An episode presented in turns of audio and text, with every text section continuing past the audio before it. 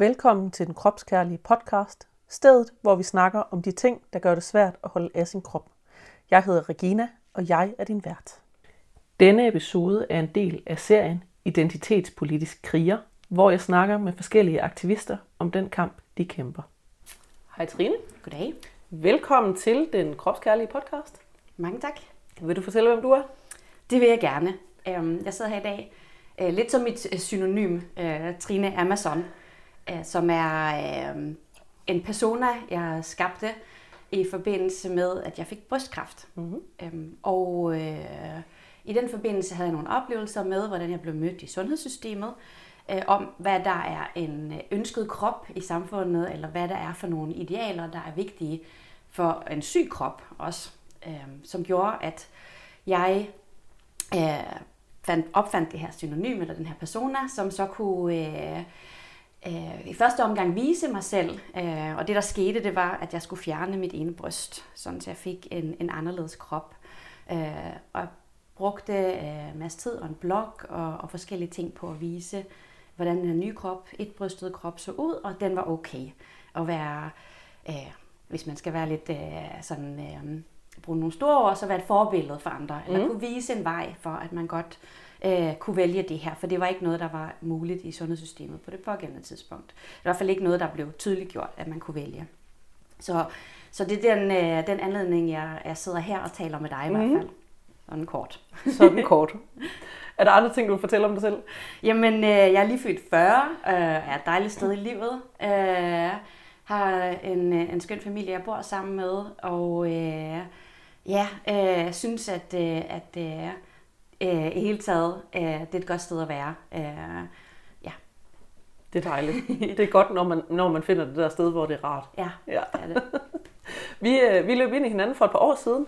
Det gjorde vi. Hvor at, øh, vi var med i øh, første sæson af det er Ultras, øh, Ultrasmider tøjet. Øh, og vi skulle vise vores bryster frem. Ja. Og jeg var jo med, fordi at, øh, at jeg var tyk, mm. og gerne ville vise en tyk krop frem. Og du var med netop på grund af det her med kun at have et bryst. Ja. Øhm, og jeg synes jo, du var altså allerede der, du var super inspirerende. Mm. Og så har jeg jo, udover at, øh, at jeg jo så har fulgt med hos dig, sådan cirka siden, tror jeg, så har jeg jo også set dig, at du for eksempel er i Sex og Samfunds øh, bodybook, ja. og viser dit ene bryst frem, eller manglen på et bryst måske i virkeligheden mere ja. end det ene. øhm, og det synes jeg bare, jeg bliver simpelthen til glæde hver eneste gang, at du dukker op et eller andet nyt sted. jeg bliver ofte tagget, når der foregår et eller andet, så siger folk, hey, ja. uh, Trine. Skal du lige være med? ja. Den ekshibitionistiske side af en selv. Ja, ja. ja, ja jeg viser mig også gerne frem. Jeg forstår det udmærket godt. Ja, så, så du siger det her med sundhedsvæsenet, at det synes jeg er jo ret interessant. Jeg snakker jo generelt meget om sundhedsvæsenet, fordi det er virkelig uh, normativitetens højborg ja. på en eller anden måde. Hvad, hvad oplevede du i forhold til at, uh, at, at komme ind i det her sundhedsvæsen? Og... Ja, Uh, og først vil jeg bare lige sige lige over i forhold Nå, til, ja. uh, til dengang vi var inde i, i, uh, i det ultrasmede tøjet. Jeg synes også, du er meget inspirerende. Jeg er også tak. meget over at være her, og jeg synes, det er nogle fede ting, du laver. Tak. Og vi har jo fulgt hinanden siden, kan ja, man sige. det har vi. Øhm, jamen, hvad jeg mødte i sundhedsvæsenet, det var, at uh, allerede første konsultation, hvor jeg fik at vide, at nu skal du have... Uh, du skal fjerne dit bryst af sundhedsmæssige årsager. Så sagde de, at vi anbefaler at fjerne brystet, så du kan blive rask og vi anbefaler at rekonstruere det. Fordi ellers bliver du ked af det. Det var sådan det underforståede. Ikke? Okay. Så det er bedst... Altså, de så siger, glæden tid i brysterne? Ja, det er lidt, de sagde det som en pakke, ja. at det var, de anbefalede at fjerne og få rekonstrueret, fordi de havde de bedste erfaring med. Ja. Men det ene, det første var jo ligesom, for ellers kunne jeg jo dø af kræft. Eller, ja. Man vidste faktisk ikke engang, det var kræft på det pågældende tidspunkt. troede bare, det var forstadier. Ja. Så det startede med at være præventivt, og viste, viste sig så at være kræft. Så det var meget heldigt, at det blev fjernet. Ja. Ja. Men det andet handlede om nogle andre aspekter, som at kvinder, øh, der ikke får rekonstrueret, får nogle psykiske gener, de vil tør ikke vise sin krop nøgen, og de, øh, de får det rigtig dårligt med sig selv, erfaringsmæssigt. Så det er ligesom i min alder, altså jeg tror endda, jeg var inde hos en plastikkirurg, der sagde, at jeg havde jo mange år tilbage. mange års gode boobs endnu til at blive kigget på, eller hvad det var. Ikke? Ja. Altså, fordi den her, for mig, mit perspektiv, selvfølgelig kan bryster være øh, en erogen zone, altså det er rart, og det var det også for mig, så mm. på den måde har man jo mistet noget, men den havde jo ikke andre funktioner, altså hvis jeg skulle kigge på min krop i øvrigt, så er der ikke mange andre steder, jeg sådan lige så afslappet kunne skære. Øh, så jeg synes, det, hvis jeg endelig skulle øh, være at, at miste den kropsdel, så var, den, så var det okay. Så kunne, så kunne godt, man godt undvære det. Så kunne jeg godt undvære den, ikke? Øh, så, så, øh, ja, så det, det, det jeg mødtes med. Så lige så snart jeg så for mig var der meget modstand allerede fra starten. Jeg kunne mærke det der med at få noget plastik ind i mig, for det vil jo ikke, jeg vil jo savne mit bryst, men det vil ikke være mit bryst. Nej. Så, så jeg gik hjem og researchede meget hæftigt, og fandt også hurtigt ud af altså, alle de komplikationer, at det, altså, det tager meget, meget længere tid. Ja. Så det er i sig selv, at man kan slippe med en operation versus 5-6 over ja. mange år, øh, hvis det går godt.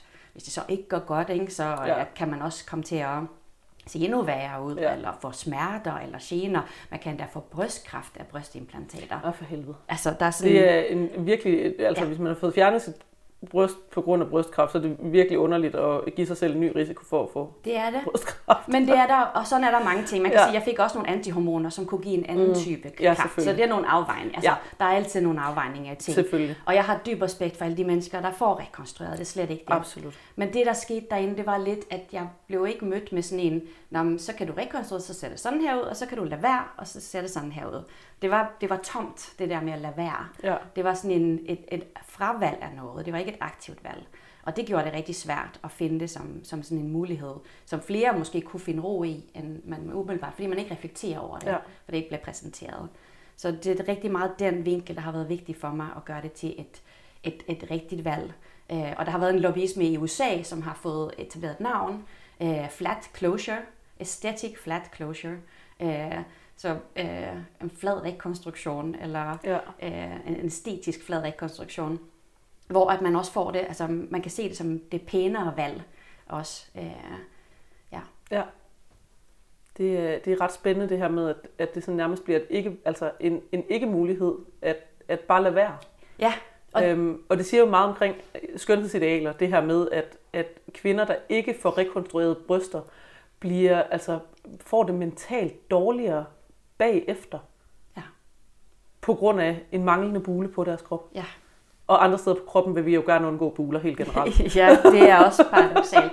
Lige der skal man have fedt. Lige der, Ingen andre steder. Lige der må det præcist gerne sidde. Meget lokalt. yes. Ja, men det, ja, det, det er virkelig øh, spændende at udforske, hvis man mm. kommer fra som alien udefra. Men, øh, ja. Øh, men de er der jo, de der skønhedsidealer, og det er virkelig noget, man skal forholde sig til. Det altså, er det virkelig. Det er ikke noget, man fjerner med et trylleslag i hvert fald. Nej. Og jeg tænker også, at den der med, at, at så blive ked af, at man mangler et bryst, eller hvis man nu er en, der har fået fjernet begge bryster, det her med, at, at, at kroppens udseende stadigvæk bare er nærmest det vigtigste overhovedet ved at have en krop. Ja. Det, det, det, jeg, jeg synes, at det er interessant, hvordan at kroppens, altså det her med udseende, det har så stor betydning for så mange ting. Og det skal fylde så meget, men det gør det jo virkelig, fordi at vi jo, altså skønhedsideal og, øhm, og, og især også det her med tyndheds, altså idealer, er jo, er jo virkelig noget, som er alle steder. Og ikke bare sådan, når vi er voksne, men det er jo helt fra børnetv, hvor vi bliver præget af, at især kvinder skal være smukke og tynde. Ja, ja og øh, øh, ja, hvad hedder det, øh, hvad var det lige at tænke på i forhold til... Øh, Nå, nu glemte jeg igen. Jeg det går nok op igen, hvis Præcis. Ja. Um, men, men, ja, men med skønhedsidealer, at... Øh, øh, ej, den er tabt den helt nu. Vi prøver noget andet. Ja, vi ser, om den dukker op ja. igen. Ja, men øh, hvad det hedder, jeg, jeg snakkede lige om, jeg var lige ved at fortælle en den anden dag om, at jeg, jeg kan ikke engang huske, om, det var, om at jeg skulle over og snakke med dig. Og, og så fortalte jeg omkring den her fantastiske tatovering, du har. Mm-hmm. Er du færdig med den endnu? Eller nej, er det? nej, det er nej. ikke. Den er blevet udskudt på grund af corona. Også ah, helt ja, så. fordi du, det var ved at være derhen af, var det ikke? Det er til jul, bliver jeg færdig. Det er til jul. Så, så vi er ikke helt i mål. Okay, men den er ved at være, den er ved at være stor i hvert fald. Det er den i hvert fald. Vil du fortælle om din, øh, om din tatovering? Jeg synes simpelthen, den, jeg, kan, jeg kaldte den din universplante den anden dag, ja. og jeg er ikke helt sikker på, om det er sådan, den skal beskrives, men, Jamen, men det, det er sådan, jeg ser på den. Det, vi, vi kan kalde den space plant, ja. tror jeg. Uh, så det, det, det er tæt op af. Det er tæt op af, ja. Uh, um, og det, jeg har altid ønsket mig en tatovering, siden jeg var helt lille. Ja. Og det er også det her med kroppen, og hvad man må og ikke må med kroppen. Um, og og uh, den skræk for at besydle huden, mm-hmm. ved, fortryder jeg. Øh, hvem, kender hvad, jeg godt. hvad må jeg, og hvad må jeg ikke? Altså sådan, og du ved, alle de her skrækhistorier om, at nu, hvordan ser det ud, når du bliver gammel? Ja, og hvad nu, hvis du fortryder? Ja, og du ved, den bliver jo grimmere med årene, ikke? Altså, og, Og hvad, nu, hvad når du bliver rynket? præcis, og det, Ej, der, og det gør man jo gange. alligevel. Ikke? Det sker under alle omstændigheder. Ja, og måske er det bare sjovere med lidt farver øh, på rynket hoved også. Alt andet lige. Men det, Rynker må gerne have farver. Ja, det er det. øh, så, så det der med, at øh, øh, det, det, det tog mange år. Jeg startede, da jeg var 15 og overvejede den perfekte tatovering. Og det, det var nok ikke mit initiale tanke, at den skulle være så stor her. Men måske er det det, jeg har bygget op til, fordi så kan den rumme alle de elementer, jeg gerne vil have. Mm-hmm. Og så, øh, især så efter, at jeg fik fjernet brystet, så, så var det faktisk meget almindeligt at have sådan nogle mastectomy tattoos. Ja. Jeg bruger mange engelske begreber, fordi det er, der er ikke, det er ikke så stort i Danmark, Nej. men det er meget en international community, men altså mastectomy-tatoveringer. Øh, og der findes masser på Instagram, hvor de deler rigtig flot. Men der dækker man arret, Ja. for ligesom så at gøre det mere spiseligt. Eller, Ja. eller sådan, øh, så det ikke minder folk om den her krop, som Ja. de ikke bryder sig om. Ja, folk, der får tatoveret brystvorter også, for eksempel, for at, at, at brystet ser mere, altså sådan i Normalt godsøjne, rigtigt ud. Yes. Ja. Men øh, det jeg så tænkte, det var, at hvis jeg nu lavede en tatovering, som fremhævede mit ar, Mm-hmm. øh, og så sådan, og så, jeg tror, jeg sad ude på mit arbejde en dag og fik sådan, jeg snakkede meget med mine kollegaer om den her tatovering, jeg ville have, og så helt pludselig, så var sådan, øh, ej, der er faktisk en, der er en, en, en lille ting mere, fordi jeg har jo fulgt en, en bekendt på Facebook, som begyndte at blive tatovør, mm. og som lagde billeder op nemt op af planeter og planter og ting, som inspirerede mig rigtig meget. Så det var faktisk i samarbejdet med hende, mm. at, at tankerne begyndte at opstå. Jeg kunne se, at det var første gang, jeg så en tatovør, jeg havde let længe, men så hvor jeg resonerede rigtig meget med det, hun lavede jeg lige startede, men det var bare, det var det, ikke? Altså det, og så til den her frokost, hvor det så helt pludselig dæmmer for mig, en plante med planeter på, som, som snor sig ned over min krop og starter hen over arret og ned over det andet bryst og rundt på ryggen og røven, hen over lårene, og når det er så mangler det sidste stykke hen over lægen ned ja. til foden. Og bare sådan, det er det. Så jeg skriver til den her bekendte, at jeg vil lave min første tatovering, og vi lige kan snakke om det. Så hun havde så reserveret et kvarter til mig, eller sådan noget, så, til at snakke om ens første tatovering. Men jeg havde ikke nævnt, hvad det var. Nej. Og så kommer jeg ned, Så hvis hun troede, det bare var sådan en, jeg vil gerne have en, øh, en svale. en lille blomst på Ja. skulderen, eller på øh, armen, eller sådan noget, og så viser det sig så, at det her og hun er jo lærling på det pågældende Ja. ja. tidspunkt. Jeg tror, hun var ved at dåne, og hendes mester, eller hvad det hedder, kom også ind og sådan, "Nå, det, det, det der lyder cool, og det må vi snakke mere om, og sådan Ja. noget. Det, det kan, tror jeg sagtens, du kan. Ikke? Øhm, så øhm, jeg, øh, vi får en ny tid, hvor, hvor hun så ligesom kan sunde sig, vi kigger på det. Men det, der sker lige den dag også, der hun siger, du skal lige se en tegning, jeg har lavet i dag. Og så går hun ind bag, hun har lige færdiggjort en tegning, hun ikke har lagt op, af en planetplante. Altså præcis den ting, jeg har snakket om, Ja. planeter, der vokser ud af en plante. Hun har ikke kombineret de ting før. Og det tog vi også lidt som et tegn fra universet. Ja. Det var meningen, det her. Det var, det var sådan, det skulle være. Ja. Og jeg tror, jeg har presset hende enormt meget. Øh, men jeg, har heller, altså, jeg er så glad for den her tatovering. Den er virkelig, virkelig også flot. Vil du, vil du beskrive, kan du beskrive den mere sådan i forhold til, nu, Ja. nu er det jo øh, et, øh, et auditivt medie det Ja. her, og det er en øh, visuel ting Ja. at have en tatovering. Så kan du beskrive den mere, og har du lyst til det overhovedet? Det vil jeg Fordi gerne. Man kan jo også bagefter bare gå ind og Det se kan- man må gerne på din se den. Instagram for eksempel, hvor der ligger billeder af den, men, men jeg tænker, når vi nu lige sidder her og lytter, ja. at så kunne det være fedt med, øh, med lidt mere beskrivelse. Og så kan jeg også beskrive den måske det konceptuelle omkring den. Ja, meget gerne. Som, som måske ikke altid står øh, på de der Instagram-billeder. Ja. Øhm, for den består af, af fire, eller fem dele, lige nu er der fire dele, øh, men fem forskellige afsnit med forskellige øh, øh, planter, eller også lidt træer. Øh, så på brystet der er lind, som er de her hjerteformede blade. Mm-hmm. Øh, på ryggen er det ask, øh, som er Yggdrasil eller livets træ. Mm-hmm. Øh, hen over røven, som er det midterste stykke, der er det øh, øh, kastanjetræer. Og det er nemlig også en, det symboliserer min kræfthistorie faktisk. Mm-hmm. Og så på øh, lårene der er det egeblade. Og det sidste, øh, der kommer det til at være et fantasi-univers, øh, som digtede blade, Ja. ja. som, som Anna, som hun hedder min tatovør, skal lave. Ej, hvor fedt. Ja. Og så vokser der så sådan nogle planeter, eller runde objekter hele vejen på den her øh, plante. Som er sådan, der er også en stamme, der så følger hele vejen ned, og så er der sådan nogle runde objekter. Mange af dem er planeter, men mange af dem er også andre ting. Jeg bemærkede i hvert fald ved, øh, ved kastanjen, at der var der også øh, altså, øh, sådan, øh, selve kastanjen i sin, øh, hvad hedder det, altså sin Frugt. skal egentlig, Ja, ja. ikke? Og der, der Ja. sådan, hvor at, øh, at det synes jeg var ret fint, at de også lige sne sig ind mellem planeterne, der lige er kiggede det. på den. Og der er også æren henne ved, Ja. ved lårene, der ved egebladene. Øhm, og så er der øjne alle steder ja. faktisk, der går igen, som også er noget, Anna har lavet øh, meget i sine tatoveringer. Så ja. der, er sådan meget, der er meget hende i det, ja. men vi resonerer meget. Hun er jo ligesom mig, more is more. Ja. Det er altid øh, eksorbitant og meget. det er fedt, når man finder den. ja, den er totalt øh, og meget farverit. Ja. Um, og så, så er der altså endda mit yndlingsband er blevet tatoveret på. Ja. Bob et svensk band, ja. som kommer fra min hjemby. Jeg kommer fra Sverige oprindeligt. Ja men har boet her, eller i København i 21 år til sommer. Kommer fra Helsingborg, ja. ja. Mm. Så det var faktisk en lille idé om, hvordan den er, og meget favorit. Og meget, meget favorit, og virkelig, virkelig, virkelig flot. Det, og det er jo virkelig der, hvor jeg tænker, at det der med tatoveringer og sådan noget, at, at det kan virkelig noget, når at man, man bliver kreativ med det, og finder ud af, hvad, man, altså, hvad det er, man gerne vil, og at nogle gange, så er det måske også værd at vente på det der med, at der hvor nu giver det bare mening. Ja. Sådan havde jeg det også med min tatovering. Jeg fik jo tatoveret en pony på røven for et års tid siden. Det er meget flot. Tak.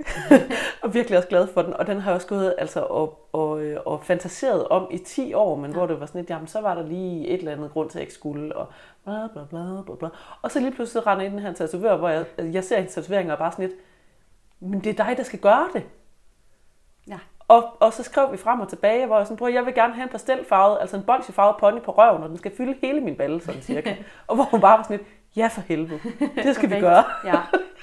Jamen, det der med, at man resonerer med tatovøren, det er jo næsten vigtigere end, ja. motivet nogle gange. Ja, lige præcis. At det der med, at det er sådan ja. lidt, jamen kan du, kan du fange essensen af det, som jeg rent faktisk drømmer om? Ja.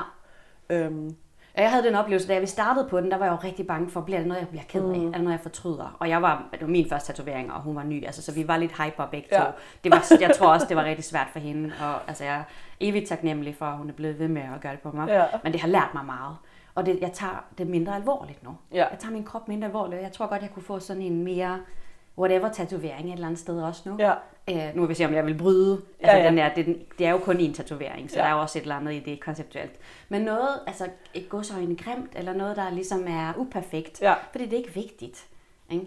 Uh, og det, det synes jeg, det har virkelig lært at give slip. Men det kunne man også lide det, og, og jamen, det finder vi ud af. Uh, og det, det tror jeg er en sund holdning at have til sin krop. Jamen, det tænker jeg også, det der med, at, men også med udsmykning og sådan noget, hvor at, man må jo gerne udsmykke sin krop de fleste af os, vi er jo sådan meget om, så har man huller i ørerne, og det er jo ikke noget problem. Men mm. det er jo igen det der med, at det falder inden for det der normative skønhedsideal, ja. at kvinder skal være feminine og have huller i ørerne, ja. så man kan gå med øreringen. Ja. Og sådan lidt, man kan også bare altså, fylde sin krop med huller, fordi man synes, det er nice. Ja, Jamen, det er det. Præcis. og jeg har også været sådan, jeg har også haft taget mine næsepiercinger ud, for eksempel, fordi, ja. uha nej, men hvad nu med arbejde, og mm alle sådan nogle ting, og hvor at, at sådan efterhånden, som jeg er blevet ældre, var det også bare sådan, at det skal andre fandme ikke bestemme. Jeg gider faktisk ikke at arbejde et sted, hvor jeg ikke må have lov til at have næsepiercing. Nej. Jeg gider ikke at arbejde et sted, hvor jeg ikke må have lov til at have, have, have tatoveringer, hvis det er det, jeg vil. Ja. Og, og det kommer med en omkostning af det de her det. ting. Altså fordi man bliver meget synlig, og jeg har også en septum piercing. Øh, også på mit arbejde. Som... Og hvis man ikke ved, hvad en septum er, så er det den der tyrring i ja, næsen. der sidder. Ja. Øh, og og øh, på mit arbejde er der ingen andre, der har det. Ja. Altså det er et kontor-deskjob. Ja. Øh, så så øh, der, der stikker man ud, og det koster det noget. Ja. Øh, på, den, på den måde, at man bliver meget, meget synlig. Og det er lidt, lidt i den samme boldgade som, som det med brystet. Altså det er jo så mere synligt, når jeg er på stranden eller øh, svømmehallen ja. videre. Men det kræver noget af en. Um, og jeg tror, jeg var så heldig, hvis jeg ligesom går tilbage i forhold til dengang, jeg så fik præsenteret, at, at nu skulle jeg være et brystet, at jeg kunne være meget nemt i det, fordi jeg havde en, grundlæggende livsfilosofi allerede før, øh, hvor jeg så også havde den her næsepiercing, og jeg havde blåt hår og meget farverigt tøj også i, i forskellige øh, kontorjobs, forskellige ja. også i den private sektor og så videre. Steder, hvor jeg stak meget ud. Fordi jeg tror, det er rigtig vigtigt, at hvis man har overskud til det, så skaber man mere plads for andre mennesker, hvis man øh, stikker ud. Hvis, ja, man, ja, hvis man vælger at lave det, der larmer lidt mere. Ja. Og der er rigtig mange mennesker i den her verden, der ikke vælger Øh, om de stikker ud eller ja. ej. Og det er kropsstørrelse, og det er hudfarve, øh, funktionsvariationer. Der er alle de her ting, som gør, at man kan stikke meget ud, og man kan ikke vælge det fra. Ja. Så alle dem, der så øh, bare, bare siger så i gåsøjne, men som, som tager det nemme valg, øh, og det kan være jakkesæt på arbejde, især for mænd, ja. øh, eller at man øh, tager lidt mindre farver på, fordi det larmer det andet så, så, skaber man, så, så, så skaber man ikke plads til dem, der stikker ud i hvert fald. Og så bliver vores fælles rum lidt mindre. Ja. Øhm, så det er også lidt at være et forbillede ved at stikke ud. Så på en måde kan man sige, der hvor jeg fik præsenteret, nu kan du blive et bryst, så så faldt jeg jo endnu mere i tråd med min egen filosofi. Ja. så det var jo heldigt på den nu måde. Nu kan jeg vise andre, at man faktisk kan det ja, her. der havde jeg faktisk et større... Øh, øh, øh, ligesom øh, større ethos, eller hvad man skal kalde det, altså lidt en, en, bedre historie, altså hvis man er en historiefortæller. Og det, det synes jeg nogle gange, jeg er. Jeg kan godt ja. lide at skabe et eller andet øh, sammenhængende historie om nogle ting, øh, som forbillede for andre, eller som, som viser en vej. Og der fik jeg lidt mere rådrum i den forbindelse, fordi at førhen, der var der måske ikke så meget på mig, der larmede egentlig. Altså, og jeg, der har jeg rigtig mange privilegier på rigtig mange fronter, ja. øh, hvor at jeg falder inden for normen. Så det at have blåt hår og næsepiercing. Når og man, man kan sige også med blåt hår og næsepiercing, det er noget, man kan vælge fra. Ja. Hvor at det kan man jo ikke for eksempel med min tykkhed. Jeg er Nej. altid tyk uanset. Ja. Eller hvis man har et handicap, man er altid handicappet uanset. Eller hvis man har ikke har en hvid hudfarve, det kan man heller ikke vælge Præcis, fra. Ikke? Hvor at det der med at larme med ting, jeg har valgt, er stadigvæk noget, hvor hvis jeg synes, jeg larmer for meget en dag, så kan jeg godt Så kan være. jeg godt pakke det ja. ned. Ikke? Og, det, og det var det, hvor jeg prøvede at larme for at skabe plads, ja. men jeg havde egentlig ikke noget, hvor jeg larmede rigtigt. Øh, eller ikke kunne vælge det fra. Og det fik jeg så. Ja. Øh, og det var sådan, oh, okay, så må jeg også vise, at jeg mente det, jeg sagde. Ikke? Det var lidt svært også at gøre noget andet, end at ligesom bare vise det til verden. Og jeg skal da love for, at nogle gange, så er jeg virkelig træt af det. Ellers altså, så tænker man bare, åh mm-hmm. oh, gud, kunne du ikke larme lidt mindre? Ja. Kunne vi lade være i dag? Ja, du ved. Øh, og hvis man skulle i svømmehal med børn, så skal man da lige synke to gange nogle ja. gange og tænke, okay. Så kan man godt forvente, at der bliver kigget. Der bliver kigget. Øh, og, og, og ofte gør jeg jo så det, når jeg står og vasker hår nøgen i badet, så, så sørger jeg for at lukke øjnene, eller sådan, og, og, og gøre sådan, så at folk kan se på mig, uden at jeg ser dem. Ja. Så de kan få et ordentligt kig. Ja. For det der er noget uddannende i det. Øh, så ligesom, at jeg, jeg viser mig villigt frem og siger, ja. se nu her, det her det findes, og der er ikke noget farligt i det. Øh, så vender folk sig til det, men det kræver jo så også, at man orker at være udsat på den der måde. Ikke? Altså på stranden, holy ja. moly. Jo, ja. Jamen, og jeg, altså, jeg gør jo det samme. Jeg, er også, ja. jeg elsker at gå i svømmehal, og jeg er også sådan en, hvor det sådan, jamen, prøver, altså, man må, jeg er så okay med min krop, man må gerne kigge på ja. den.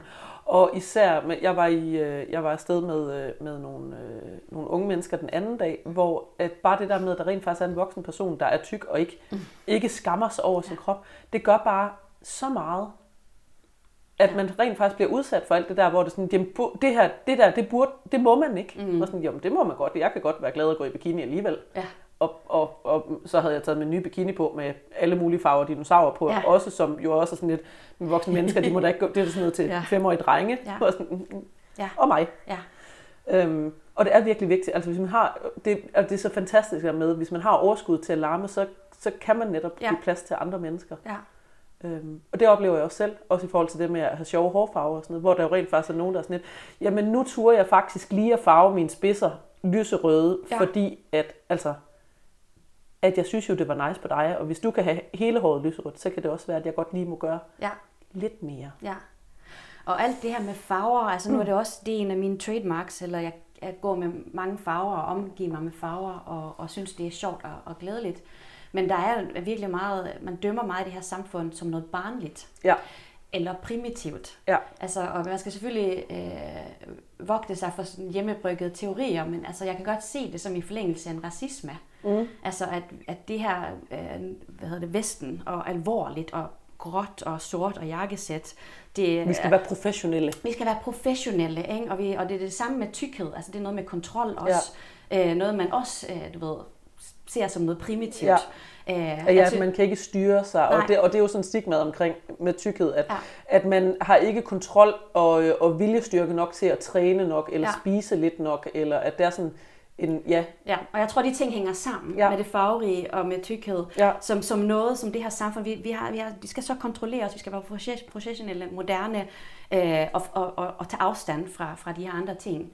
Så, så man, man mister noget professionalitet også, når man er farverig. Det er virkelig sjovt, du siger det, fordi det har jeg faktisk... Øh, nu gik jeg ned med stress i sommer, så sagde mit arbejde op på grund af det. men, men jeg har, øh, har længe haft en fornemmelse af, at ikke min nærmeste chef, men chefen efter det, at, øh, at han brød sig ikke om mig, fordi at jeg kunne komme på arbejde og komme til møder og være mega god til det, jeg lavede. Og super professionel.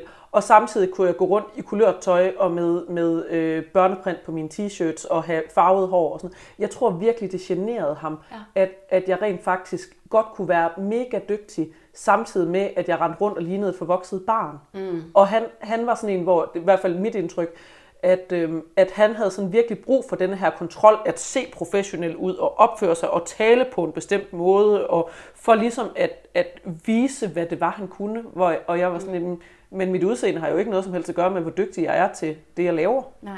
Det har jo intet med hinanden Nej. at gøre. Men det har det jo, for når man så, øh, hvis man er sådan et deskjob, Ja. som jeg er, så, ser, så altså, jeg stikker virkelig meget ud Ja. øh, i forhold til de andre øh, øh, mine kollegaer. Altså, det, vil sige, det har jeg også gjort som socialpædagog. hvor man, øh, altså, og de har jo deres uniform på. Jeg tager også snakken, og, og, og jeg møder faktisk rigtig meget respekt ja. øh, omkring min person der. Øh, men jeg tror også, jeg opfylder rigtig mange andre privilegier, altså som er en ting. Og jeg går ikke med børneprint, kan man så sige. Ja. Eller sådan, der er nogle forskellige øh, grader af de Ja. her ting. Ikke? Men, men, men også, øh, jeg går i hvert fald markant anderledes klædt end dem på mit omkring. Ja. Øh, men, men jeg tror også, man skal ikke undervurdere, hvilke privilegier man så har i de her forskellige kontekster, ja. og hvornår er det acceptabelt, og hvornår det ikke er. Øh, ja. Men, men jeg, synes, jeg synes, din betragtning der med den der med professionel, altså, Mm at, at vi skal sådan lade som om, at vi er professionelle og lege, og det passer jo også meget godt ind i sådan ideen om det her kapitalistiske samfund, ikke? Hvor at vi skal alle sammen passe ind i en eller anden idé. Ja. Og, og hvis man nu, jeg kan godt lide at se sådan lidt øh, samfundsdystopiske film, og, sådan, øh, og, og hvor at det er sådan sjovt, hvordan at, at sådan i mange dystopier, der, der ser man, hvordan at, at alle bare så nærmest er i jakkesæt og ligner hinanden og er ens, og, og ikke kan tænke nærmest, fordi at de arbejder og sover, og det er nærmest det, man kan, fordi at man skal være produktiv, og man skal knokle, og man skal opfylde samfundets behov, hvor det sådan lidt, men, men, men hvad nu hvis, at jeg opfylder mine behov i stedet for? Og hvad nu hvis, at min dag blev lidt bedre ved, at jeg tog kulørt tøj og My Little Ponies på, i stedet for at være, altså i gode øjne, professionel. Ja. Jeg er også meget nysgerrig på egentlig, hvordan folk har det. Altså som, øh, du kom hjem til mig og, og noterede også, at jeg har et ret farverigt hjem. Det er så skønt. Øh, Og jeg oplever, og det er sådan med malet i loftet, figurativt malet i loftet, og, og det, den, den har fået hele armen. Og der oplever jeg også tit, at folk siger, ej hvor spændende, det kunne jeg slet ikke. Ja. Øh, så jeg oplever rigtig meget, at folk synes, at, at også, så ser de film, film, hvor der er noget farverigt, eller de er ude på en café, restaurant, og Ja. det kan de virkelig godt lide. Og alligevel så er der et eller andet barriere i dem selv. Ja, Og en eller anden distance, man har behov for til at, Ja, at og- tage til det. og jeg får også meget ros for mit tøj, øh, sådan også professionelt, og hvor de så siger, men det kan jeg ikke. Nå. Eller, og, jeg, og jeg er også så kedelig, at det kunne være sjovt med lidt flere farver. Ja. Go nuts. Ja, ja men, øh, men hvad holder dig fra det? Ja, det er jeg meget nysgerrig på. Det har jeg faktisk ikke fundet. Øh, altså, det er nok den her... Øh, jo, det ved jeg egentlig også godt. Hvis jeg handler ind i Jylland, i et supermarked, når jeg er på ferie derovre, øh, så ved jeg godt, hvorfor folk ikke, ikke vælger at tage farverigt tøj på. Fordi det er, det er så sindssygt nogle gange, hvordan... Altså, der, der kigger folk uhelet. Fuldstændig. Altså, det er jo nogle gange voksne mennesker, der ja. Nærmest står og peger efter mig og siger, se, det er sådan- Ja. Jeg, synes jo, jeg synes altid, det er sjovt, når børn gør det. Ja. Fordi så kan man fortælle historier. Jeg er jo også en, der fortæller historier. Så er nogle børn, der siger, mor, hvorfor har hende der blåt hår? Og så siger jeg til dem, det er faktisk, fordi i virkeligheden så er jeg en havfrue. Og så, kan vi få, og så synes børn, det er sjovt, fordi så, fik vi en, så bliver der fortalt en lille historie. Ja. Og nogle gange, så bliver forældrene sådan helt, åh oh, nej, det går helt galt det her. Og andre gange, så er det sådan, jamen det var fedt, du fortalte mit barn historie. Og, og den del synes jeg er fint nok, men sådan ja. grandvoksne mennesker, der stiller sig sådan helt med foragt i ansigtet og kigger på en og bare sådan et, det der, det kan man ikke. Nej, og det er, altså, det er netop den der forskel, fordi man må gerne kigge, hvis man anerkender mig som et menneske. Ja. Hvis du kigger mig i øjnene og smiler og Ja. ser dig, du ser anderledes ud, jeg har lyst til at kigge, Ja. og vi, jeg ser dig som et, et ligeværdigt menneske. Ja. Men her der bliver man objektificeret, man bliver en ting. Ja. Og det oplevede jeg også, jeg var jo i kemo under kraften, hvor jeg så var skaldet. Men fordi jeg har en septum piercing og gik rundt skaldet, så opfattede det folk ikke som om, øh, i den kontekst, de, de så det mere som noget selvvalgt. Ja. Øh, fordi jeg var meget stolt omkring det. Eller sådan, jeg, eller stolt. Ja, ja, du tog det på dig og gjorde jeg det til dit. det ikke. Jeg havde store ring og var Ja. skaldet. Ikke? Så der, er med med gloet på sådan en måde, hvor man føler sig som en ting. Ja. Øh, altså hvor folk bare, du ved, og man kan også, det, er, det er næsten skræmmende, fordi hvis man ikke er et menneske, hvad, så kan folk jo finde på at gøre noget. Jeg har Mhm. mm-hmm. ikke følt mig troet som sådan overhovedet. Men det er det der blik, hvor folk kigger på dig, som om du ikke er et menneske. Ja. Det er ret uhyggeligt. Det er faktisk meget sjovt, fordi i forhold til det her med at være tykaktivist, der snakker jeg jævnligt omkring det her med at blive råbt på, på gade, efter på gaden for eksempel. Hvor at det oplever jeg ikke, at det sker i Jylland. At folk råber efter mig på gaden. Til gengæld, lige så snart jeg kom til København, så kan jeg forvente, at det, at det sker. Ja. Altså i fredags, der oplevede jeg både en, der kom hen og sagde, øh, øh, komplimenterede, at han synes, det var fedt, at alt mit tøj var pink. Og så et par timer senere var der en, der råbte efter mig, at jeg var det grimmeste menneske i hele verden. Så var den Det- dag ligesom... så, havde vi, så var vi ligesom gået fra den ene yderlighed ja. til den anden. Øhm, men, men det oplever jeg ikke i Jylland, men til gengæld så oplever jeg netop den der med, at, at folk kan ikke engang anerkende min eksistens som menneske, fordi at de bare sådan glor, og, sådan, og så fortæller vi det til nogle andre i stedet ja. for. Hvor at her i begge tilfælde bliver jeg i det mindste anerkendt som et menneske, man kan kommunikere med Ja. Ja. på en eller anden måde. Og, Ja. det, og begge dele er jo forfærdelige. Jamen det er det jo, for men, det er virkelig ja. men, men der er virkelig stor forskel på det stadigvæk. Altså, Ja. og, og den der med faktisk ikke at, at, at blive anerkendt som menneske, det er en ret, øh, det er en ret interessant betragtning, ja. at, øh, at, at du oplever Jylland anderledes, og jeg oplever... ja. Øh, Så her i man- København, der går jeg mere under radaren. Ja, du passer lidt bedre ind her, Ja, tænker jeg ja. også. Ja, Øh, men altså, når jeg har blåt hår, så kigger folk også ret meget. Men det, det men gør det, folk, når man har ja, sjove hårfarver. Ja, det, det er sådan en ting. Det er sjovt, altså fordi... Ja. Det eneste sted, hvor jeg sådan virkelig passede ind, det var San Francisco.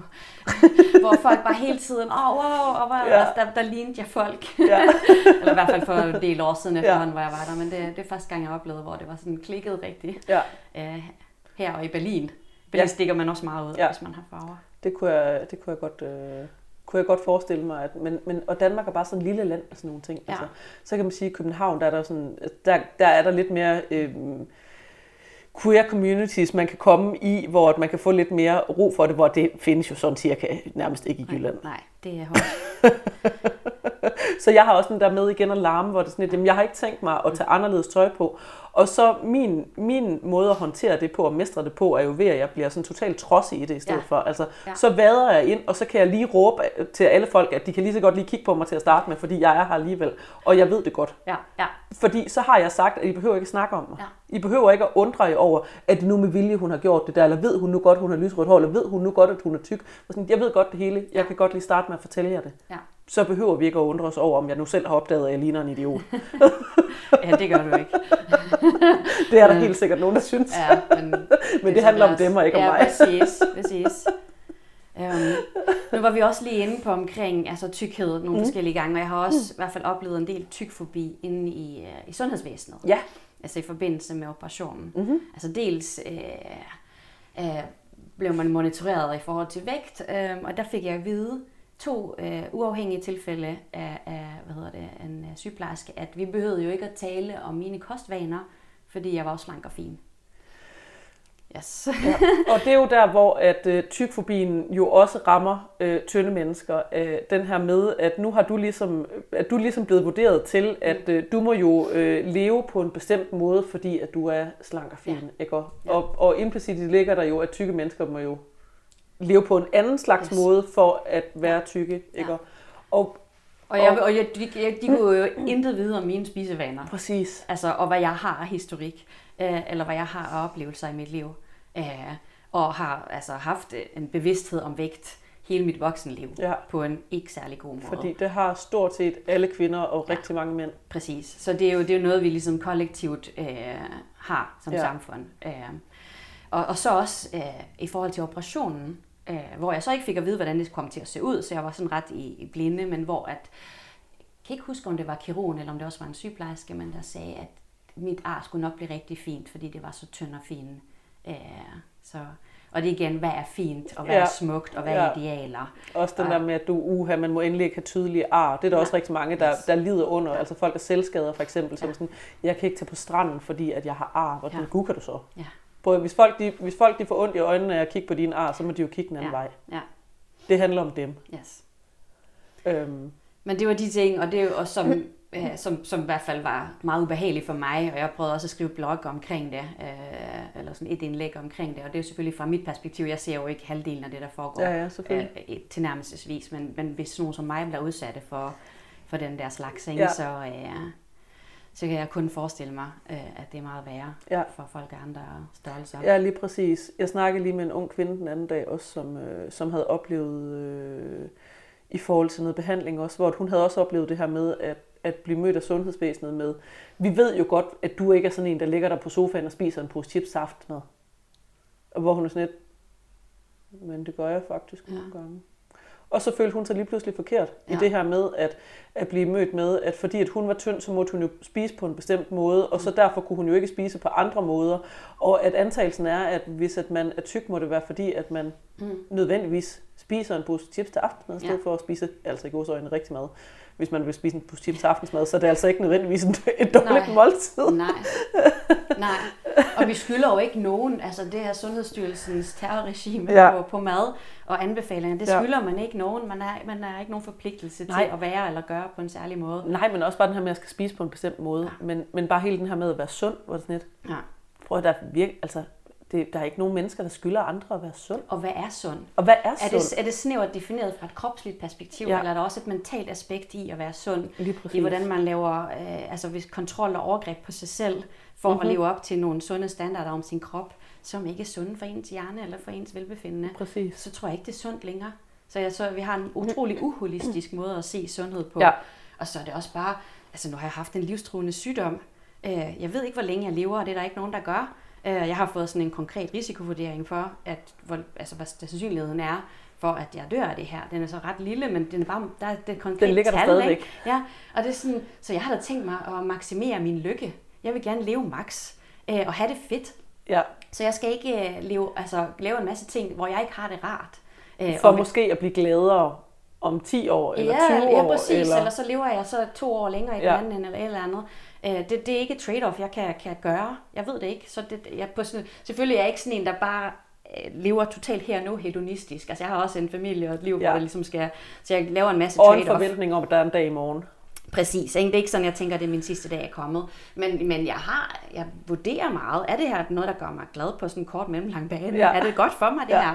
At løbe en tur, det er ikke godt for mig. Det er ikke sjovt, det er ikke fedt, det er ikke på nogen som helst måde noget, jeg synes er spændende. Jeg dyrker stort set ikke nogen motion, andet end jeg prøver at cykle frem og tilbage Ja. til ting, øh, bare for at jeg ikke skal være alt for forpustet, for det, det er ret fedt. Ja. Øh, men men jeg, jeg organiseret sport eller, eller fitness for den sags skyld. Det Ej, er bruger fitness, det er også der, hvor at, øh, alt livsglæde går hen for at dø. Ja, i hvert fald for mig, og, det, er og, øh, og hvis man nu finder glæde i det, Ja. super, men det er ikke for mig i hvert fald. Men jeg, jeg har sådan tit med folk, der sådan finder glæde i det, ja. Ja. hvor det er sådan lidt, men hvad er det? Altså hvis man nu rent faktisk spørger dem om, hvad er det så glæden er, så er det jo tit den der med, jamen så får jeg brugt min krop, eller så, eller... Mm. Og hvor det er sådan lidt, men, men kunne du få det et andet sted?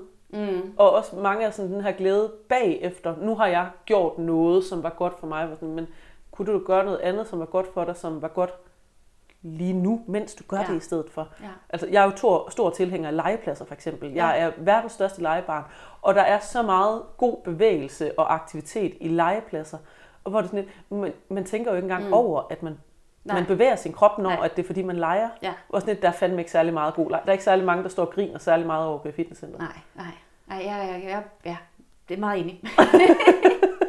meget enig. Og også ja. Det der med at løbe, hvor det sådan, jeg kan godt se, det er meget fedt der med at løbe, og man kan løbe alle mulige steder og sådan noget, men, mm. men hvor det også bare sådan, så har jeg gået og tænkt på i lang tid, det kunne være, det kunne være sjovt at begynde at løbe igen, men, men jeg gider ikke. Og jeg, altså, der var jo en norsk professor, øh, og nu kommer ikke til at kunne sige det ordret, men som sagde, at, at den tid, man vinder gennemsnitligt i sit liv ved at løbe, det er den samme tid, man har brugt på at løbe. Ja, Så man forlænger sit liv med den tid, man løber, Ja. essentielt. Så man får, og så får man noget i den anden ende. Ja. Så man skal virkelig godt kunne lide at løbe. Altså ellers skal jo ikke mening at forlænge Ja. den i den og, periode. og det er jo meget interessant det der med sådan, okay, men så hvis du bruger øh, x antal år af dit liv på at løbe, så er det den tid, du, løb, du lever mere. Så var du glad, mens det stod Ja. på.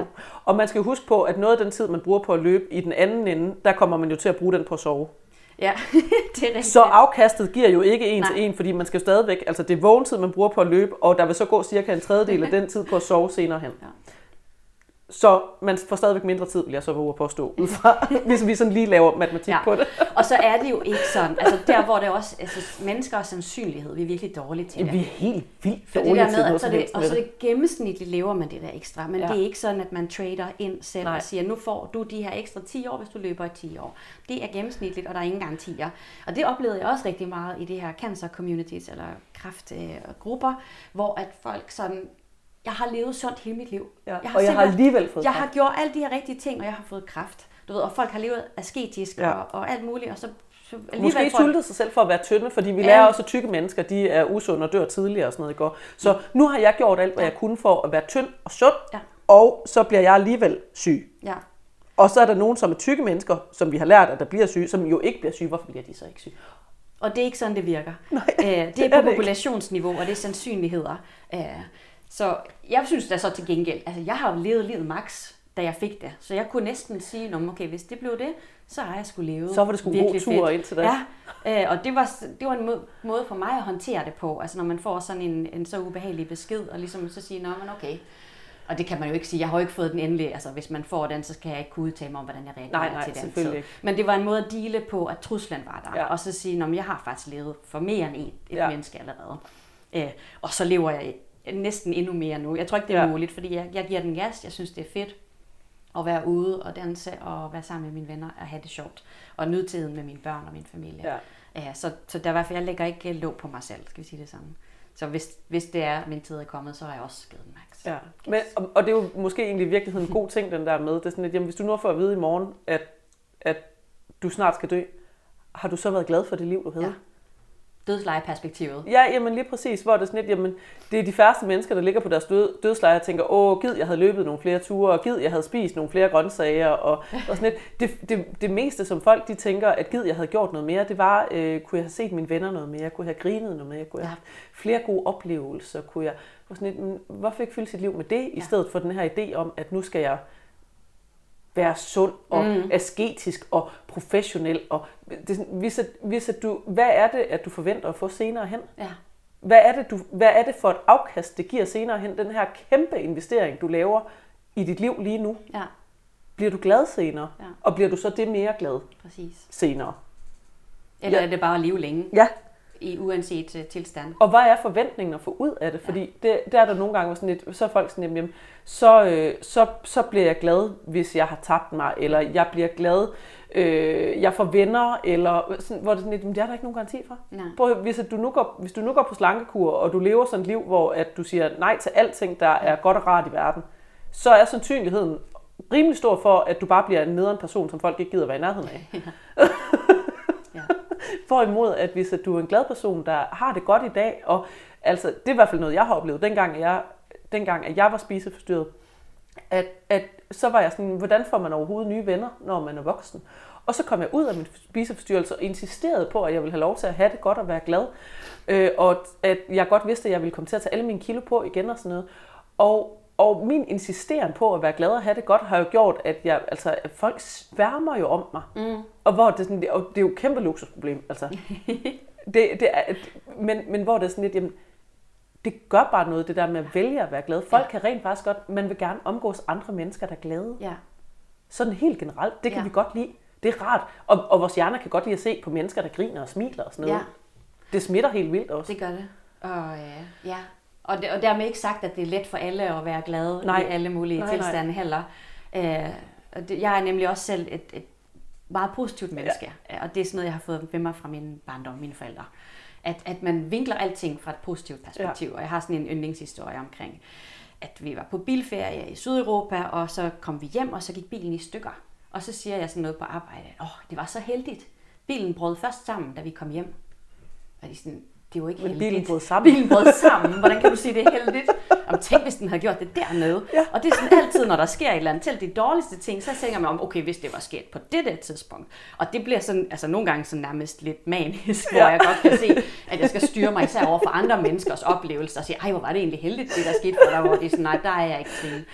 Øh, Jeg er også tit sådan, at øh, ej, jeg ved godt, at du ikke er sikker, at du måske ikke synes det sådan lige nu, ikke op, men, men lige om nogle dage, så bliver det her en pissegod historie. og hvor folk er sådan, lidt, det har du garanteret ret i, men ja. Det er for tidligt. Ja. ja. Det er i orden, undskyld, men, men jeg tror, du bliver glad for den senere. Ja. og, og igen, ligesom med, at du fortæller med at være historiefortæller, så er jeg også bare sådan lidt, jamen, en del af at være historiefortæller er jo også en del af det at samle på historier. ja. Og hvor det er sådan lidt, vi kan godt lide historier, der ender godt på en eller anden måde. Og, og når et historien så ender med, hvor var det heldigt, at bilen først brød sammen, da vi kom hjem, så er det jo stadigvæk sådan en eller anden, en god historie, og så er det lidt sjovt, og så er der et, altså noget vittighed i det også, og sådan noget, ja. Og så kan vi grine af det. Ja. I stedet for det der med, at sådan, og for helvede så brød bilen sammen, og det var noget pisselort. ja. Der er meget stor forskel på de to slutninger på den sige. samme historie. Ja. Øh, så det tror jeg, det, det er også et privilegium, man kan have Ja. som menneske, og have det, det livssyn. For altså, der er også noget positive psychology, Ja. jeg bliver ved med at sige engelsk termer, positiv psykologi, øhm, hvor at, øh, mm. at, hvis man bare ser positivt på tingene, så er det altid meget nemmere. Og der er jo virkelig mange mennesker, der, hvor det ikke er særlig nemt for. Ja. Altså hvor man ikke har den Ja. automat øh, indstilling. Ja. Øh, så det, det tror jeg også, man skal se selv, at man, at man faktisk øh, er ret heldig. Ja. ser det positivt Ja, igen. det har jeg også, jeg synes, Ja. også, det er et virkelig stort privilegie, Ja. det her med at være bevidst om, at det, er, det, er ikke, det ikke er noget, der bare sådan kommer helt automatisk til Ja. alle. Men at man så kan prøve at sætte sig i nogle positioner i sit liv, for som du siger, hvor man ikke er på slankekur, eller hvor Ja. man ikke gør ting, som er hårdt for en, men hvor man kan være mere glad Ja. og have mere overskud. Øh, og prøve at tænke over, hvor kan man positionere sig selv, eller hvad, hvad, hvordan, hvilke situationer er man gladest i, Ja. og hvad kan man gøre? Jeg snakker en hel del omkring sådan det her med at kigge på muligheder og vilkår, hvor det sådan lidt, at, og så kan man sige, hvis vi tager fat i bilhistorien, jamen hvis det nu var et vilkår, at bilen skulle bryde sammen, mm. På et tidspunkt lige her omkring. Altså vi kan ikke gøre noget ved, at bilen bryder sammen, uanset det går. Hvor lidt, jamen hvad er muligheden så i forhold til, at bilen bryder sammen? Jamen muligheden er, at jeg tager en sjov historie med mig. Mm. Der er ikke så meget andet at gøre ved det, Nej. men, men det giver jo en mulighed på den måde. Muligheden er, at jeg kan blive pisse træt af det, eller jeg kan synes, at det er sjovt. Ja, præcis. Altså, så er det da federe at tage den, den sjove historie med sig, i stedet for at bare synes, at det hele er noget pisse lort. Ja. Øhm, og, og sådan er det med virkelig mange ting i vores liv, hvor det sådan, lidt, der kan være så mange ting, som er så trælse, men, men hvis det er et vilkår, vi ikke kan gøre noget ved, hvordan får jeg så det bedste, det bedste ud af det? Absolut. Og, og sådan er det jo, hvor det sådan lidt, jamen, jamen også, øh, jeg snakker meget med min ægtefælle om det her med, at, øh, at når vi er på ferie, det er, jo altid, det er jo altid det, der går galt. Det er jo altid de historier, man fortæller bagefter. Ja, ja. Det er fordi, at det er sådan, Nå, jamen, så så vi Eiffeltårnet, og så er vi på det her museum, og så var vi det. Og det har alle andre også prøvet, der nogensinde har været i Paris, for eksempel. Hvor det er sådan lidt, Nå, okay, men så var der den der aften, hvor vi drak os fuld i rødvin, og så løb vi helt vildt hurtigt hen til Eiffeltårnet, fordi vi skulle se det der lysshow, der var på Eiffeltårnet. Og så var det bare det mest vattede lysshow i hele verden. Og så sad vi der og bare var helt vildt skuffet, hvor det er sådan lidt, men det er det, jeg husker bedst fra. ja. En ferie til. Paris, ikke? Fordi at, altså, at det er en god historie. Ja. I stedet for, at det bare bliver sådan, åh, det var træls. Ja, Ja, det er da meget muligt, men... præcis. Men, men jeg får det ikke sjovere eller bedre af, at det bare var træls. Nej. Og det er jo noget, man kan øve sig på. Ja, Altså, Ja. det er jo ikke... Det er og jo, tænke i de baner. ja, altså, vores hjerner er jo øh, fantastiske til at tilpasse sig, og vi kan jo, hvis vi bliver bevidste om det, kan vi jo manipulere vores, øh, vores øh, tanker og, og, mm. og, og handlemønstre helt vildt meget. Ja. Problemet er jo bare tit den her med, at vi bliver manipuleret af vores omverden hele tiden til at tro, at vi har det helvede til, og lade os bilde ind, at vi har det helvede til. Og hvor det er sådan lidt, jamen, du må faktisk gerne beslutte dig for ikke at blive hjernevasket det, og så begynde at hjernevaske dig selv. Ja. Og det er jo også, der er jo stærke kræfter på spil til, der Mega- vil sælge ting til mega os, for stærke at vi kræfter. kan... Der er så mange mennesker der, og firmaer, der tjener styrtende med penge på, at ja. vi går rundt og er ulykkelige. Ja, og det, nu var der et eller andet med et Facebook-feed, hvor der var en reklame for et eller andet indkøbscenter, hvor der var en masse crop tops, Ja. og det var nogle altså, sygeligt tynde øh, kvinder på de der billeder. Ja. Øh, og det, de, altså det, vi bliver fodret med hele tiden i forhold til, hvad det er, hvordan vi skal se ud. Og ligesom du siger, der er ikke nogen, der ser en voksen tyk kvinde, der er glad, eller der ser Ja. afslappet og normal øh, ud og bare er. Ikke? Øh, så vi bliver hele tiden bombarderet med, at vi skal være noget andet, og det er en hård kamp at kæmpe imod. Det er virkelig en hård kamp at kæmpe imod. Men også netop den her med, at vi ser øh, tynde mennesker afbildet som værende glade og succesfulde. Og hvis vi så ser tykke mennesker i medierne for Ja. eksempel, ja. så er det jo tit nogen, der er nogle klumpedumper, og der er, eller, eller du sidder lige og laver sådan en hugge hovedet af ting, ikke op, hvor det er sådan lidt, hvis det er en nyhedsartikel, så har vi jo tit hugget hovedet af tykke mennesker, fordi, at, og det er jo igen den der objektgørelse, Ah, ikke? at, at tykke mennesker er så frastødende, at vi ikke engang kan, kan tillade os at give dem en, en identitet og en menneskelighed, fordi at der må der ikke findes mennesker i verden, der har lyst til at se sådan Nej. der ud. Det, jamen, det er så frygteligt. Ja. Og så samtidig det her med, altså nu snakkede vi tidligere også om, vi kan med Må lige, må jeg lige komme lige ind Ja. med, fordi det er sjovt, fordi nu, snak, nu snakker vi lidt om professionel. Ja. Hvis man så er tyk og professionel, så tager vi jo den anden vej rundt. Så hugger vi jo af cirka samme sted. Ah. Så må vi bare kun se ansigtet, fordi man kan jo ikke være tyk og professionel samtidig. Oh. Og, Ja. ja. og hvis man nu kun tager ansigtet, og, ja. og folk de sådan lige, lige vinkler kæben rigtigt og sådan noget, så kan det være, at vi kan få dem til at se ud, som om Så- de ikke er helt så tykke. Ja. Og det er jo den anden vej rundt, Ja. ikke? Og at det er sådan lidt, okay, men så enten så har vi tykke mennesker, som er øh, utiltalende, og dem vil vi helst, altså, Ja. de må ikke engang have en identitet. Eller også, hvis de så skal være, så er det fordi, at de skal være sådan professionelle, og så kan de i hvert fald ikke være tykke. Så skal vi gerne få dem til at se tyndest muligt ud, for Ja. at de kan være succesfulde. Ja. Altså, og vi havde jo før i forhold til kroppen, at, øh, at det der med, at man vil have en æstetisk flad rekonstruktion. Mm. altså hvad, hvad kroppen så skal være og ikke være. Men nogle gange er en krop bare en krop også, ikke? Altså at den, den skal være den skal være smuk og skøn, og man skal elske sig selv, eller alle de her ting, som også kan være rigtig udfordrende. Og tænk, hvis kroppe bare kunne være kroppe ja. i højere grad. Ikke? Ja, det kunne være så godt. Og det ikke hele tiden var et eller andet skala, hvor man skal bedømmes på. Ikke? Øh, I langt højere grad neutralt. Men det ja. kan man jo ikke sælge noget, hvis, hvis det bare er... Hvis at kroppen bare er...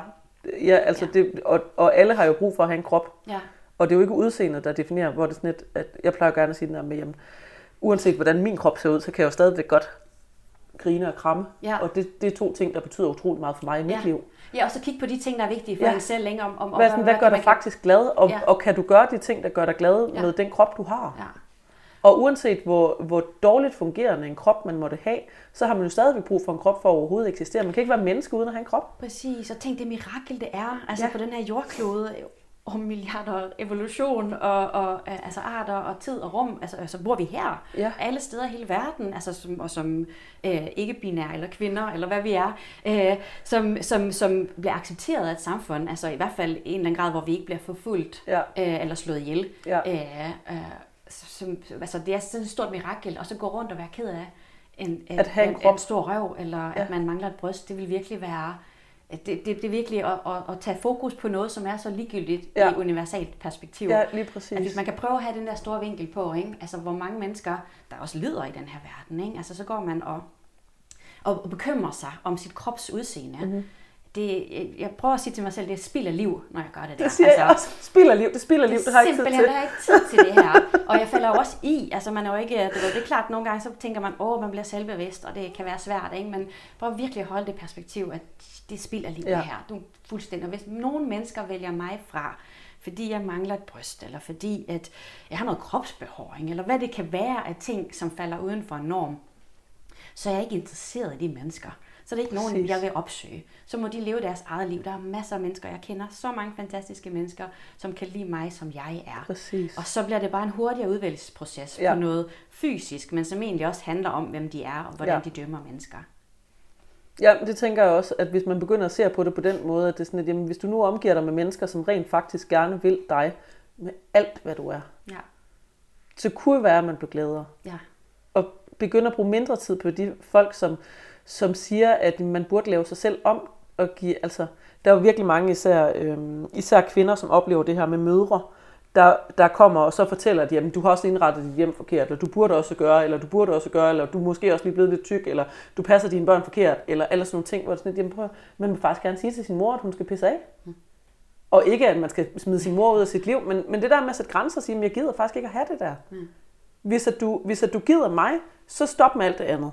Altså enten kan du lide mig, eller også kan du ikke. Det må ja. være det, det er. Ja. Min, min værdi som menneske afhænger ikke af, at du synes, mit køkken er indrettet rigtigt, eller om jeg nu har støvsuget godt nok i hjørnerne. Ja, og det er jo det, hvor at man som venner kan man vel til og fra, mm. hvor familie det er en helt andet perspektiv. Familie er et helt andet perspektiv, øh, helt bestemt. Men, men det er virkelig også noget, hvor man kan arbejde med det. Og man ja. skal ikke finde sig i, at ens familie terroriserer en Absolut og fortæller ikke. en, at man ikke er god nok. Nej. Det er der masser af andre steder, der gør. Det skal ens familie ja. ikke være en del af. Nej. Øhm, Ja, det var lige et lille sidespor. Ja. men, men virkelig den der med, altså, og jeg synes, den er god, den der igen med, det er også meget positivt der med at se på, at, at hvis folk de vælger mig fra, så er det faktisk ikke noget negativt. Altså, det, mm. det er deres behov af en eller anden grund, og det handler om dem. Og gider jeg have nogle mennesker i mit liv, som alligevel ikke vil mig? Ja. Hvad skal jeg bruge dem til? Det var ligesom igen med arbejdspladsen. Gider jeg være på en arbejdsplads, hvor jeg ikke kan få lov til at have min næsering? Nej, det tror jeg sgu ikke, jeg gider. Og det der med, at man gerne vil please alle. Ja. Altså, man kan ikke gøre alle glade. Det er fuldstændig håbløst. Ikke? Så altså, der er folk, der ikke kan lide en, uanset ja. hvad man gør. Øh, og sådan er det bare. Ikke? Ja. Og så det gælder om, at hvis man er heldig, så finder man sin kerne. Og så er det jo noget med at opsøge nogle communities, ja. opsøge nogle øh, forskellige steder. Og, øh, og omgive sig med mennesker, som bare godt kan lide en, fordi man er. Ja, præcis. Det, det, det tænker jeg også. Men jeg er også den der med at begynde at sige, jamen, mm. men det, det er jo noget, jeg synes er allerfedest ved internettet. Der er jo mange, som sådan, øh, sociale medier, bla, bla, bla, og sådan lidt, men men jeg har jo lige pludselig fundet ved, at på grund af sociale medier, mennesker, som altså jeg sådan helt ind i knoglerne stoler på, ja.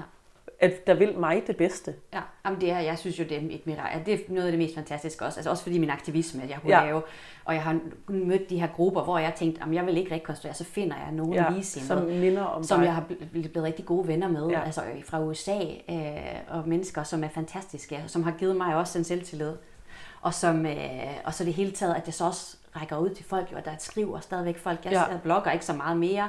Jeg har ikke været aktiv de sidste år eller sådan noget på det her, men det viser billeder en gang imellem stadigvæk, men det findes derude. Ja. Og jævnligt skriver folk, tak fordi du har vist det. Nu tør jeg også tage det valg, for Ja. man kan være glad i det her valg, og det var ikke noget, de troede. Øh, og, og øh, altså, jeg tror faktisk, det var min pointe tidligere hen også i forhold til skønhedsidealer, og så den syge krop. Der synes jeg egentlig også, det er helt sindssygt, at man kommer ind og har en livstruende sygdom, og så er det for, noget af det vigtigste, det handler om ens udseende. Ja. Og ved- at man skal have sin skønhed tilbage. Og dem, der, dem, der er terminal, der fylder det mindre. Eller Ja. sådan, der ved jeg, at de også bare siger, at det skal fjernes, og det Ja. skal overleve. Selvfølgelig. Men, men, men der, hvor det er sådan lidt mere usikkert, eller og hvor nogle af dem så senere hen jo også dør af det her brystkræft, for det er en farlig sygdom, der går man stadigvæk ind og snakker så meget om skønhed i noget, hvor man er syg. Det er ikke noget, vi kan gøre noget ved på den korte bane, men det er noget, vi som samfund bliver nødt til at adressere. Altså, og det, det er ligesom tykfobi. Altså, Ja. ja. Det er noget struktur, vi skal arbejde imod. For det er så sindssygt, at den syge krop fylder mindre end, end, end skønhedsidealerne. Og livskvalitet Ja. og alt sådan. Altså, Ja. at, ja, men, jeg, men, jeg, den her med skønhed kommer altid først. Ja. Altså, at, og, og igen er det jo især kvinder, det rammer det her med, at man, at man skal være, være smuk. At ens værd ligger i at være smuk. Ja. Øhm, Der var også et make kursus mens jeg var i kræft, fordi at det var, og hvor det man var lige lærte at lave øjenbryn hvor og vi skulle lave nogle ting, sådan øjenbryn at og sådan man noget, ikke så øh, helt så hårløs ud i ansigtet. Look better, feel better, Ja. ja. tror jeg, det hed, sådan et amerikansk koncept. Fordi det var jo, de forskning havde vist, at kvinder fik det bedre, hvis de så godt ud, mens de var syge. Ja. Og det tror jeg, der er satans med sådan med det samfund, vi har. Men, Men det er også ikke bare, det, der er fordi pointen. når, når det er det, man bliver mødt med, ja. Ja. at det er sådan, jamen, du bliver jo lykkelig, hvis ikke at du er smuk. Ja. Altså selv der, hvor det er sådan, jamen, du er syg, og det faktisk, vi vil faktisk gerne have, at du ja. overlever først og fremmest. Men, men du skal lige vide, at du bliver ulykkelig, hvis du ikke er smuk. Så nu her, mens du er syg, skal du stadigvæk lige sørge for at lægge make op, fordi at det er vigtigt. Ja. Fordi ellers så har du det dårligt. Og sådan lidt. Men det kunne også være, mens man var syg, at man skulle sørge for at gøre endnu mere af alt det, der var rart lige nu og her. Præcis, og det er jo årsag sammenhæng. Ikke? Ja. Altså, hvad, hvad, er det, der, hvad er det, der er skyld i hvad? Det er jo ikke kræftsygdommen, der, bliver bedre af, at du ser Nej. godt ud. Det er jo dit selvværd, fordi vi har det samfund, vi ja. har. Ikke? Og det er sådan noget, jeg gerne vil modarbejde, i hvert fald ved at være en synlig stemme Ja. ja. i det her. Du gør det godt. Tak. Det synes jeg. Det, øh, jeg har, jeg øh, er jo øh, så øh, øh, utrolig heldig, at øh, begge mine bedstemødre, de har haft brystkræft, den ene døde af det. Og hvor det også er tanker, jeg har gået med det her med, hvad så hvis? Øhm, og der har det været en befrielse for mig at møde sådan en som dig, var sådan lidt, nå, jamen, hvis jeg skulle få bry- de skal da bare fjernes. Altså selv hvis der er forslag, de skal da bare fjernes. Ja. Sådan det er der bare. Ja. Altså, det, selvfølgelig skal de det. Og det tror jeg, der er overraskende mange, der resonerer med i forhold til, øh, jeg havde ikke set det før. Eller sådan, Nej, for mig var det helt, præcis. så det var sådan lidt, øh, nå, uh, hvad gør vi her? Og Kan man være et brystet? Det føltes så mærkeligt. Jamen, jeg synes, det er så sejt. Jeg, er- jeg er sådan helt, altså, det er også, du, du siger uniboob og sådan noget. Jamen, jeg synes, det er fantastisk. Og det, ja, det er jo unicorn-tanken, eller Ja, sådan, at ja, man er, der er et eller andet magisk over det. Ja. Og det er faktisk ikke en lovlig krop, jeg har. Hvis man nu øh, øh, så ville ønske sig en krop med et bryst, det må man ikke. Det ville betegnes som at være psykisk syg. Altså, og sådan, du kan ikke lovligt blive opereret og fjerne det ene bryst i Danmark, hvis du synes, det var din pæneste krop. Du kan jo ikke engang få fjernet dine bryster. Så skal du have en anden lavet kønsopfattelse og gennem Ja, ja, klinik og Ja. der. Men det her, det må man slet ikke. Så jeg har jo faktisk en, en ulovlig krop. Ej, hvor vildt. Så det er jo faktisk sådan et, et ret særligt krop. Ej, det er også vildt, hvor lidt vi egentlig må bestemme over vores egen krop, ja. Fordi at netop den der med, så må det være, fordi man er psykisk syg. Eller jeg har jo engang været praktik på en psykiatrisk afdeling også, hvor det også var sådan noget med, at at hvis man nu havde øh, vilde hårfarver, så var det også noget, der var sådan, uh, det, var, det kunne altså godt være, fordi man var psykisk syg. Og så kom jeg der og havde farvet mit hår skrigende pink, mens jeg var i praktik på og, og psykiateren havde også fat i mig og var sådan, lidt, ej, det synes hun altså ikke var så godt det der. Fordi hvad jeg nu viste til de der, var sådan lidt, jamen, det kunne jo også være, at de, de fik en anden opfattelse af, hvordan verden så ud af, at de rent faktisk mødte nogen, ja. der, der ikke var vurderet som værende psykisk syge, ja. og faktisk godt kunne have pink hår. Ja, absolut. Det kunne jo være, at vi rent faktisk bare gjorde verden til et lidt større sted, og vi netop gav plads til andre. Det, det skaber mere plads. Ja. Præcis. Meget enig. Fedt. Jeg tror, at det passer meget godt øh, tidsmæssigt. Ja. Øhm, hvis man nu gerne øh, vil øh, finde dig, følge lidt, se din tatovering, hvor, øh, Ja. hvorfor gør man så det? Jamen det gør man på, øh, primært på Instagram. Øh, Trine Amazon, ligesom øh, Amazon, hvor man køber bøger. Ja. Men Amazonerne, det er jo de her etbrystede ja, ja, lige krigerkvinder, præcis. så det er faktisk Ja. derfor, det kommer. Så Trine Amazon. Og mm. der er også en Facebook-profil, man kan følge. Ja. Øh, og så er der min blog, trineamazonudjet.com. Yes. Fedt. Der, der ligger en masse billeder og en masse blogs om, om emnet på alt. Men det med brystkræft vil ja. meget. Og måske der ikke bliver delt så meget længere, men så tænker jeg, at der er nogle gode ressourcer fra dengang. Der er rigtig blev. meget avisartikler og alle mulige ja. andre ting. Og vores øh, indslag i, øh, i DR Ultra ja. er også med derinde. Så der, Den der har jeg også sørget for at lægge på min hjemmeside. Den er vigtig. Ja, præcis. præcis. Fedt. Tak fordi, at du ville være med, Trine. Det var en fornøjelse. Tusind tak. Det var rigtig sjovt. du lyttede til den kropskærlige podcast. Stedet, hvor vi snakker om de ting, der gør det svært at holde af sin krop. Jeg hedder Regina, og jeg er din vært. Tak fordi du lyttede med. Hvis du vil vide mere, kan du gå ind på t-regs.dk.